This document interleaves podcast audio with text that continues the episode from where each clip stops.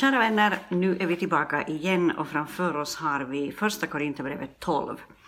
Som jag gissar, det är en gissning, eh, men eh, som jag gissar att hör till de mera populära kapitlen i första Korinthierbrevet.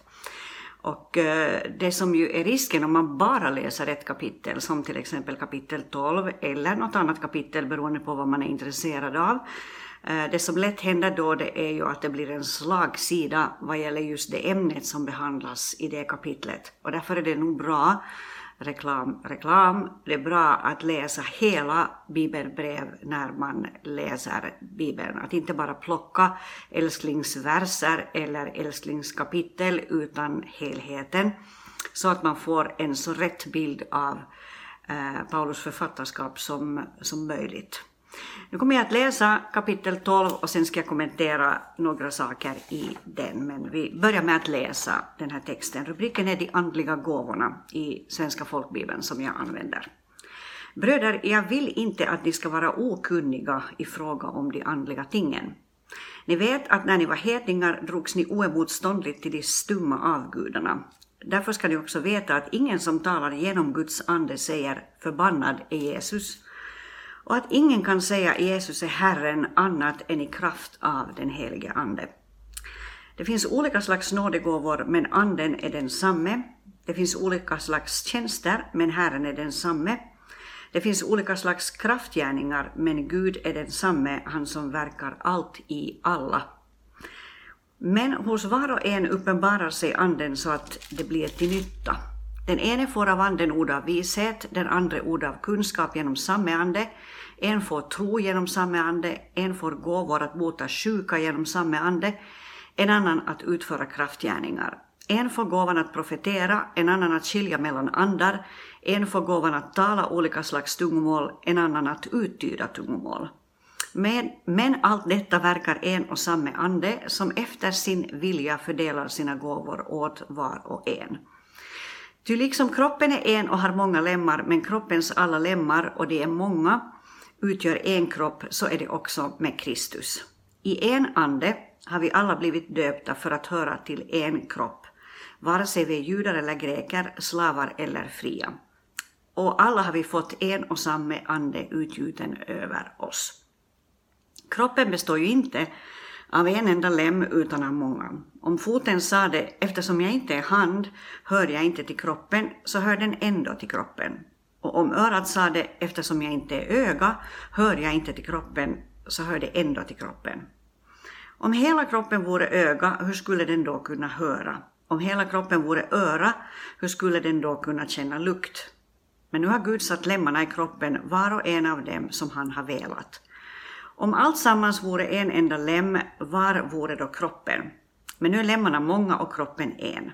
Ögat kan inte säga till handen, jag behöver dig inte, inte heller huvudet till fötterna, jag behöver er inte. Nej, tvärtom är det av kroppens lemmar som vi anser svagast så mycket mer nödvändiga. Och de lemmar i kroppen som vi anser värda mindre, mindre heder klär vi med så mycket större heder och dem som vi blygs för skyler vi med så mycket större anständighet, något som de andra inte behöver. Men Gud har fogat samman kroppen och gett den oansenligare lemmen större heder. För att det inte ska uppstå splittring i kroppen utan lemmarna har samma omsorg om varandra. Om en lem lider, så lider alla lemmarna med den. Om en lem hedras, gläder sig alla lemmarna med den. Men nu är ni Kristi kropp och var för sig lemmar. Gud har gett sin församling för det första Gud har i sin församling för det första satt några till apostlar, för det andra några till profeter, för det tredje några till lärare, vidare andra till att utföra kraftgärningar, andra till att få gåvor att bota sjuka, till att hjälpa, att styra och att tala olika slags tungomål.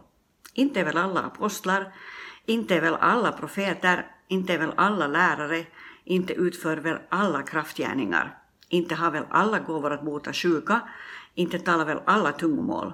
Inte kan väl alla uttyda, men sträva efter de nådegåvor som är störst. Och nu visar jag en väg som vida överträffar alla andra. Och där borde vi egentligen fortsätta därför att det handlar om ett brev som sagt.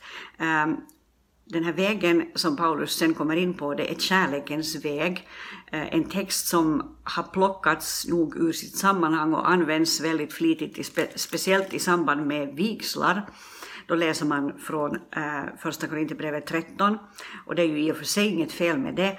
Eh, vi läser ju alla möjliga texter i alla möjliga sammanhang, men Paulus har placerat det budskap som finns i det trettonde kapitlet och som handlar om kärlek och om detta att även om jag skulle ha alla de här gåvorna som vi just har läst om, men jag inte har kärlek, så då är jag bara en skrällande symbol, en ljudande malm.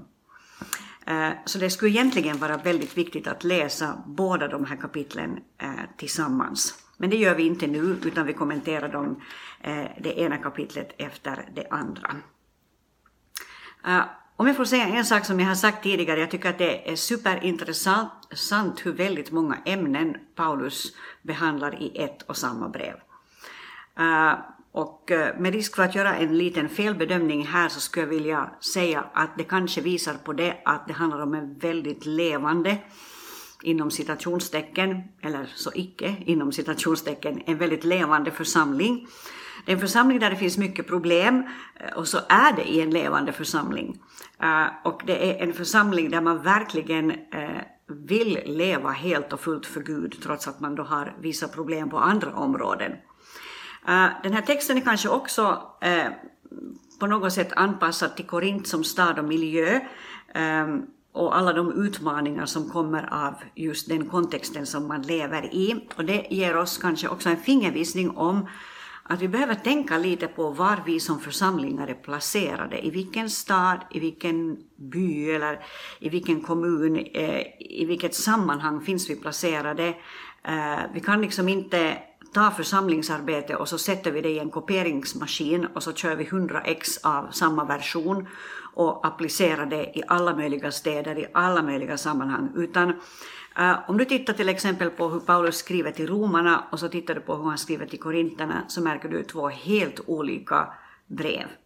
Förstås baserat på de lokala eh, behov som finns där men också baserat på det som just då pågår i den församlingen.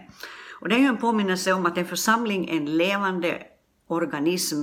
En församling är inte en organisation eh, som man bara liksom sköter på samma sätt som man sköter samma organisation i en annan stad, utan det handlar om en kontext som är levande, det handlar om människor eh, med olika bakgrund, olika eh, arbetsplatser, olika familjesituationer och det gör att vi måste vara anpassningsbara i det läget. Alright, då går vi till texten. Uh, Paulus börjar med att säga att han inte vill att de ska vara okunniga i fråga om de andliga tingen. Och det är ju en bra signal som han ger där.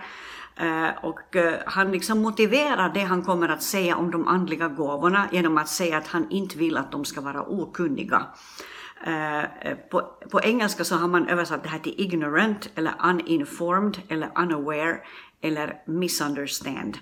Eh, det är grekiskans agnoin som är grundordet här och det betyder alltså att han, Paulus vill inte att de ska vara eh, oinformerade eller icke medvetna om eller, eller missförstå eh, det som gäller de andliga tingen. Han vill att de ska ha kunskap och därför undervisar han om det.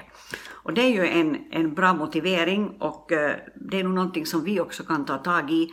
På samma sätt behöver vi kunskap om allt möjligt. Och jag gissar ju, det här är en gissning och den är kanske en lite elak gissning, men jag tror ju att ganska många församlingsmedlemmar generellt, och då tänker jag på alla möjliga samfund, ganska många församlingsmedlemmar i Eh, en hel del församlingar har en ganska liten kunskap, till exempel om just nådegåvorna som vi läser om nu, men kanske också i fråga om helt andra ämnen. Alltså vi, vi har läst några ströverser ur Bibeln och vi tuggar på sådana här älsklingsord, men vi kan inte nödvändigtvis så jättemycket om olika ämnen. Paulus säger här alltså att han vill att de inte ska vara okunniga. Och detsamma gäller oss. Vi ska inte heller vara okunniga om de andliga tingen. Och så säger han att när ni var hedningar så drogs ni oemotståndligt till de stumma avgudarna eller till de icke-produktiva avgudarna. Jag tycker att det är en väldigt bra definition på avgudar. De är stumma, de är icke-produktiva. Eh, de kanske kan ha någon attraktionskraft på något sätt, det måste de ju rimligtvis ha eftersom människor väljer att följa dem, men Paulus är noga att understryka att, att, att avgudar har ingenting att ge. De kan inte tala, de kan inte uttrycka sig, de kan inte agera, de är döda, de kan inte verka. Medan den Gud som vi har att göra med, han är fullt levande och han är fullt verksam. Och så säger Paulus så här att, eh, att eh, ingen som talar genom Guds ande kan säga förbannad är Jesus och att ingen kan säga Jesus är Herre annat än i kraft av den helige Ande. Eh, I första Johannesbrevets fjärde kapitel och andra vers så finns ett bra komplement till det här. Där står det så här, alltså första Johannesbrevet 4 och 2. Så känner ni igen Guds ande. Varje ande som bekänner att Jesus är Kristus som kommit i köttet, han är från Gud. Så här säger Johannes i princip samma sak, att man kan inte säga Jesus är Herre annat än i den helige Ande. Eh, Johannes säger alltså att ni känner igen Guds ande på det sättet att varje ande som, som bekänner och som säger att Jesus är Kristus som kommit i köttet, han är från Gud. Och så kommer Paulus då till de här nådegåvorna och han talar egentligen om tre saker här. Uh, han, han skiljer på nådegåvor, tjänster och kraftgärningar. En nådegåva behöver inte bli en tjänst hos en person eller utvecklas till en tjänst hos en person, men kan bli det. Uh, och uh, kraftgärningar, uh, det grekiskans energemation, översätts på engelska till workings eller liksom operations, ageranden, Eh, kraftgärningar, eh, är, är liksom en tredje komponent här som Paulus talar om. Och, och nu behöver man kanske inte göra en så stor jotto av att det är tre olika begrepp som han använder här, men jag vill bara understryka det här att, att eh, en nådegåva som, eh, som används som en nådegåva behöver inte alls handla om att en människa har en viss tjänst, en viss funktion så här eh, ur, ur ett Guds perspektiv, utan det kan vara en gåva som fungerar ibland eh, genom en person, eller kanske till och med ofta genom person genom en person. Men sen finns det också tjänster och Paulus kommer tillbaka till de här tjänsterna här i slutet på första Korinthierbrevet 12.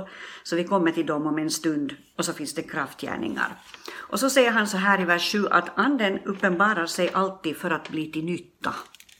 Så anden är inte till för att göra möten mera spännande, anden är inte till för att, att vi ska ha ett lite roligare kristenliv, utan anden är ett arbetsredskap. Andens gåvor är ett arbetsredskap eh, som vi behöver för att kunna göra det vi ska göra som Guds rikes medborgare i den här världen. Så det handlar om verktyg.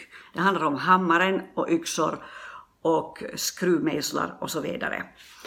Och så kommer han då in på de här gåvorna han talar om det här hur en av anden får ord av vishet eh, och en annan kan få ord av kunskap genom samma ande. Och han, han understryker flera gånger, vers efter vers, det här att det handlar om samma ande, det kommer genom samma ande, det är inte en annan helig ande eller det är inte någon annan ande som verkar det, utan den heliga ande uttrycker sig på flera olika sätt. Vissa brukar göra en stor jotto av hur många nådegåvor som Paulus talar om här, att handlar det om 12 eller 11 eller 13 eller så här. Jag tycker att det är en pipa snus eh, när det gäller viktighetsgrad. Eh, det är inte mängden som är det viktiga, utan det viktiga är att vi förstår att det här handlar om verktyg som vi behöver och det här handlar om verktyg som används i Guds rike för att Guds rike ska gå framåt på de orter där vi är placerade. Så Paulus säger alltså att den ene får ord av vishet, den andra får ord av kunskap. Vishet är grekiskans sofia, eller cleverness, eller skill. Det är att man i en viss situation kan komma med en utsaga eller en insikt som verkligen öppnar dörren för någon. Alltså ett ord av vishet, ett ord med djup, ett ord med, med kraft, ett ord som är mera, bara, mera än bara en sån här teknisk Ehm, kunskap eh, som Paulus då skiljer, skiljer här, eh, eller liksom också nämner här. Eh, kunskap är grekiskans gnosis, medan Sofia då handlar alltså om vishet. Eh, och han skiljer alltså på ord av vishet och ord av kunskap. Eh, kunskap är inte på något sätt mindre värt, även om jag kanske formulerar det så just. Det är viktigt att ha kunskap i olika saker och att ha en hunger efter kunskap. Eh, anden eh, uttrycker sig också på det sättet att han ger kunskap eh, och ibland så ger han ord av vishet genom en människa och det kan verkligen bli till stor välsignelse. Och så fortsätter han. En får tro genom samme ande, en får gåvor att bota sjuka genom samme ande. Alltså den helige ande kan verka tro i och genom en människas liv så att man i en specifik situation får tro för att någonting ska kunna hända. Eh, en situation som man kanske i ett annat läge skulle undvika av hela sitt hjärta och inte ha tro över, överhuvudtaget för. Men, men det handlar alltså om en, ett läge eller ett sammanhang eller ett, en problemsituation där det behövs en, en verklig övernaturlig tro och där den övernaturliga tron kommer som en gåva ovanifrån. Eh, en får gåvor att bota sjuka genom samma ande, det är en, en enkel förklaring Eh, och vi förstår det att, att människor eh, kan eh, få en, en nådegåva att kunna vara till välsignelse för sjuka människor. Det här är ett faktum, att, att du kanske har stött på någon sån som verkligen har fått agera i en nådegåva och fått vara med och, och bota din sjukdom. Det skulle vara intressant att få höra vittnesbörd om sånt här, så skicka gärna in om du har ett sånt vittnesbörd. En annan har kraft att utföra kraftgärningar. Nu satte jag till ordet kraft här. Eh, det ska egentligen stå så här att en annan att utföra kraftgärningar, eh, alltså en gåva att kunna eh, få förmedla en kraftgärning från, från himlen. På grekiska står det energemata dynameion, så det handlar om dynamit det handlar om kraft i en situation där det verkligen behövs. Och det, jag, jag vet inte exakt eh, vilka typer av kraftgärningar det här kan handla om, om jag har sett det i mitt eget liv. Jag kommer inte på någonting sånt nu, men Paulus uttrycker det i alla fall så här att det här är också en av Andens gåvor. Så säger han, en får gåvan att profetera, en annan att skilja mellan andar, en får gåvan att tala olika slags tungomål, en annan att uttyda tungomål. Men allt detta verkar en och samma ande som efter sin vilja fördelar sina gåvor åt var och en. Så anden förmedlar sina gåvor efter sin egen vilja. Det är en och samma ande som ger gåvor att utföra kraftgärningar, att profetera, att skilja mellan andar, att tala olika slags tungomål och att uttyda tungomål. Så här ser vi igen flera olika typer av gåvor ehm, gåvan att profetera, att tala inspirerad av Gud rakt in i en människas situation eller in i ett sammanhang. Ett ord som blir ett ord av liv, ett ord som blir ett ord av hopp. Uh, Paulus förklarar profetians gåva lite mer i kapitel 14, så det ska jag inte göra här nu. Uh, men det är att komma med ett ord från Gud som makes a difference, som verkligen gör en skillnad när det kommer skilja mellan andar, att kunna urskilja i en människas liv att är det här verkligen någonting som är från Herren eller är det här någonting annat. Eh, gåva att tala olika slags tungomål eh, och att uttyda olika tungomål. Jag har hört ganska få uttydningar av tungomål och jag tycker att det här är någonting som vi skulle kunna göra en liten jotto av. Be Gud verkligen om förmågan att uttyda tungomål och frimodighet att tala ut budskap i form av tungotal. Eh, det här är någonting som, som vi verkligen behöver mera av, därför att den här gåvan är till för att verkligen eh, få förmedla en upplevelse av Gud. Vi kommer tillbaka till det i kapitel 14, där det kommer fram att tungomålstalet är ett tecken speciellt för de som inte tror. Alltså ett, ett tilltal som verkligen kan få skaka om en icke-troende människas liv. Eh, när tungotalet inte bara talas ut utan det också översätts och förmedlas, eh, själva, själva budskapet i det förmedlas till den som lyssnar på det. Allt detta verkar alltså en och samma ande som efter sin vilja, det är han som bestämmer, det är han som avgör vilka gåvor som landar var. Eh, och eh, här vill jag ta in det som Paulus säger i vers 31, bara för att eh, jag tycker att det kontextuellt passar bättre in här. Paulus säger där att sträva efter de nådegåvor som är störst. Så han är inte den som säger att det här är nu ett sånt ämne som är lite farligt och det kan spåra ur väldigt ordentligt. Så därför ska ni nog ta det väldigt, väldigt, väldigt försiktigt när det gäller nådegåvorna. Tvärtom säger han att sträva efter de nådegåvor som är störst. Uh, och uh, det är en bra uppmaning, verkligen.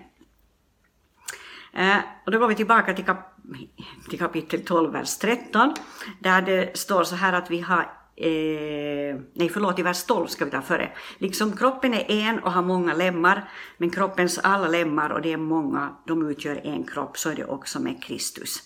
Så vi är alltså en kropp som församlingar, så är vi en kropp tillsammans. I staden så är vi som lokala församlingar en Kristi kropp tillsammans. Som lokala församlingar är vi också en, en kropp tillsammans, där alla lemmar, observera, alla lemmar har en funktion, oavsett hur många de än är. Vi har i en och samma ande blivit döpta för att tillhöra denna samma kropp, vare sig vi är judar eller greker. Det här är förstås med en särskild hälsning till den kontext som Paulus skriver till. Vare sig vi är slavar eller fria, och vi har fått samma ande utgjuten över oss. Jag gillar det här ordet utgjuten för det säger något om den rikedom som anden har kommit med eller uh, hur ska jag säga, den, den, den grad av helig ande som har kommit över dem. Det handlar om en, en rikedom av, av andens kraft som har utgjutits över dem. Och så säger han att kroppen består inte av en enda lem eller en enda gåva utan av många. Och foten kan inte säga så här att eftersom jag inte är hand så hör jag inte kroppen. Eh, eller örat kan inte säga att eftersom jag inte är öga så hör jag inte kroppen. Om det enda vi hade vore ett öga, kusliga bild, eh, eller det enda vi hade vore ett öra, hur skulle vi då kunna eh, ha de andra funktionerna? Så det Paulus försöker beskriva här det är att vi behöver utveckla församlingar där det finns en rikedom och där vi accepterar den rikedom som Gud redan har lagt ner i kroppen. Eh, uh, Gud har satt lemmarna i kroppen, säger han i vers 18, var och en av dem som han har velat. Alltså det är Guds vilja att vi är de vi är. Det är Guds vilja att han har placerat oss där han har placerat oss och vi behöver varandra. Det finns ingen plats för soloåkande eller solotjänster eller att vi bara behöver liksom ha en plattform där vissa människor gör sina Eh, andliga funktioner medan de andra tittar och beundrar, utan vi behöver en kropp som helhet, en kropp som fungerar som helhet. Lemmarna är många och kroppen är en. Eh, och Paulus säger också att, att de lemmar som vi anser är svagast, så de eh, är så mycket mer nödvändiga. De som vi naturligt sett skulle kunna tänka om att de här har nu inte mycket att ge, eller de här är nu väldigt bräckliga varelser, de ska kläs med ännu större heder. De ska vi liksom göra allt vi kan för att lyfta upp. Så att det blir en balans i kroppen, det är hans tanke alltså. Eh, för att det ska inte uppstå splittring i kroppen, säger han, utan lemmarna ska ha samma omsorg om varandra. Eh, så det han är ute efter, det är inte bara att gåvorna ska fungera, utan att, att vi som lemmar ska ha liksom en, ett öga för varandra, ett hjärta för varandra. Om en lider så lider vi alla. Om en lem hedras så gläder sig alla eh, lemmarna. En liten parentes här, eh, jag tror att det är det kanske till och med lättare att glädjas med de som lider än att glädjas med de som eller, eller eh, förlåt, det är lättare att, att gråta med den som gråter än att glädjas med den som har upplevt en seger tror att vi lever i en, i, en, i en sån kontext och ett sånt land där vi inte är så jättebra på att liksom uppmuntra varandra. Jämfört med USA så har vi en helt annan förmåga att liksom bara eh, och där kanske det inte alltid handlar om, om, om så mycket ärlighet i det, det vet jag inte, men, men ibland så, eh, så tänker jag att de är mycket bättre på att, att liksom bara tala gott in i varandras liv och uppmuntra varandra, medan vi är ganska sparsamma på det, på det planet. Men han säger här alltså Paulus att om en lider så ska vi alla lida med den och vi ska gråta med den. Eh, och om en lem hedras så ska vi också lära oss att glädjas tillsammans med den som hedras. Och så säger han avslutningsvis att Gud har i sin församling för det första satt några till apostlar. Eh, och apostelns tjänst är ju framförallt en församlingsgrundartjänst och det är en gåva som vi fortsättningsvis behöver. Jag har nämnt det här tidigare och jag kommer att nämna det säkert också i framtiden. Jag hör inte till dem som tror att apostlatjänsten är avslutad. Eh, det skulle i så fall betyda att jag skulle säga i samma veva att jag tror inte att det behöver planteras nya församlingar. Jag tror inte att det behöver grundas nya församlingar utan det som, det som vi nu har det räcker. Jag tror att vi behöver nya församlingar och jag tror att apostlagåvan är till för att göra sådana saker. Eh, att aposteln har en, en förmåga på det här området som andra gåvor inte har, som heden till exempel inte har. Och det är inget eh, nedvärderande av heden eller av någon annan gåva, det bara handlar om att olika gåvor uttrycker sig på olika sätt. Så Paulus säger att Gud har för det första satt några till apostlar, andra till profeter, tredje, för det tredje några till lärare, Eh, och sen några till att utföra kraftgärningar, till att bota sjuka, till att hjälpa, till att styra, till att tala tungomål. Alla är inte apostlar, alla är inte profeter, nej. Alla är inte lärare, nej. Alla kan inte ut, utföra kraftgärningar, nej. Alla har väl inte gåvor att bota sjuka, nej. Och så vidare. Men Paulus är ute efter att säga att vi behöver varandra i det här. Vi behöver hela det här spektret av gåvor. Vi har inte råd att säga nej till något av det här. Eh, utan vi är ute efter att få en så bred och väl trimmad församling som möjligt så att vi kan göra en skillnad i de städer där vi är placerade. Och så kommer vi nästa gång till kärlekens väg som hör ihop med det här kapitlet alltså. Så läs inte som ett separat kapitel, låt oss läsa det som en del av undervisningen kring nådegåvorna, för det är ett kapitel som är placerat just där mittemellan. Välsignad vecka!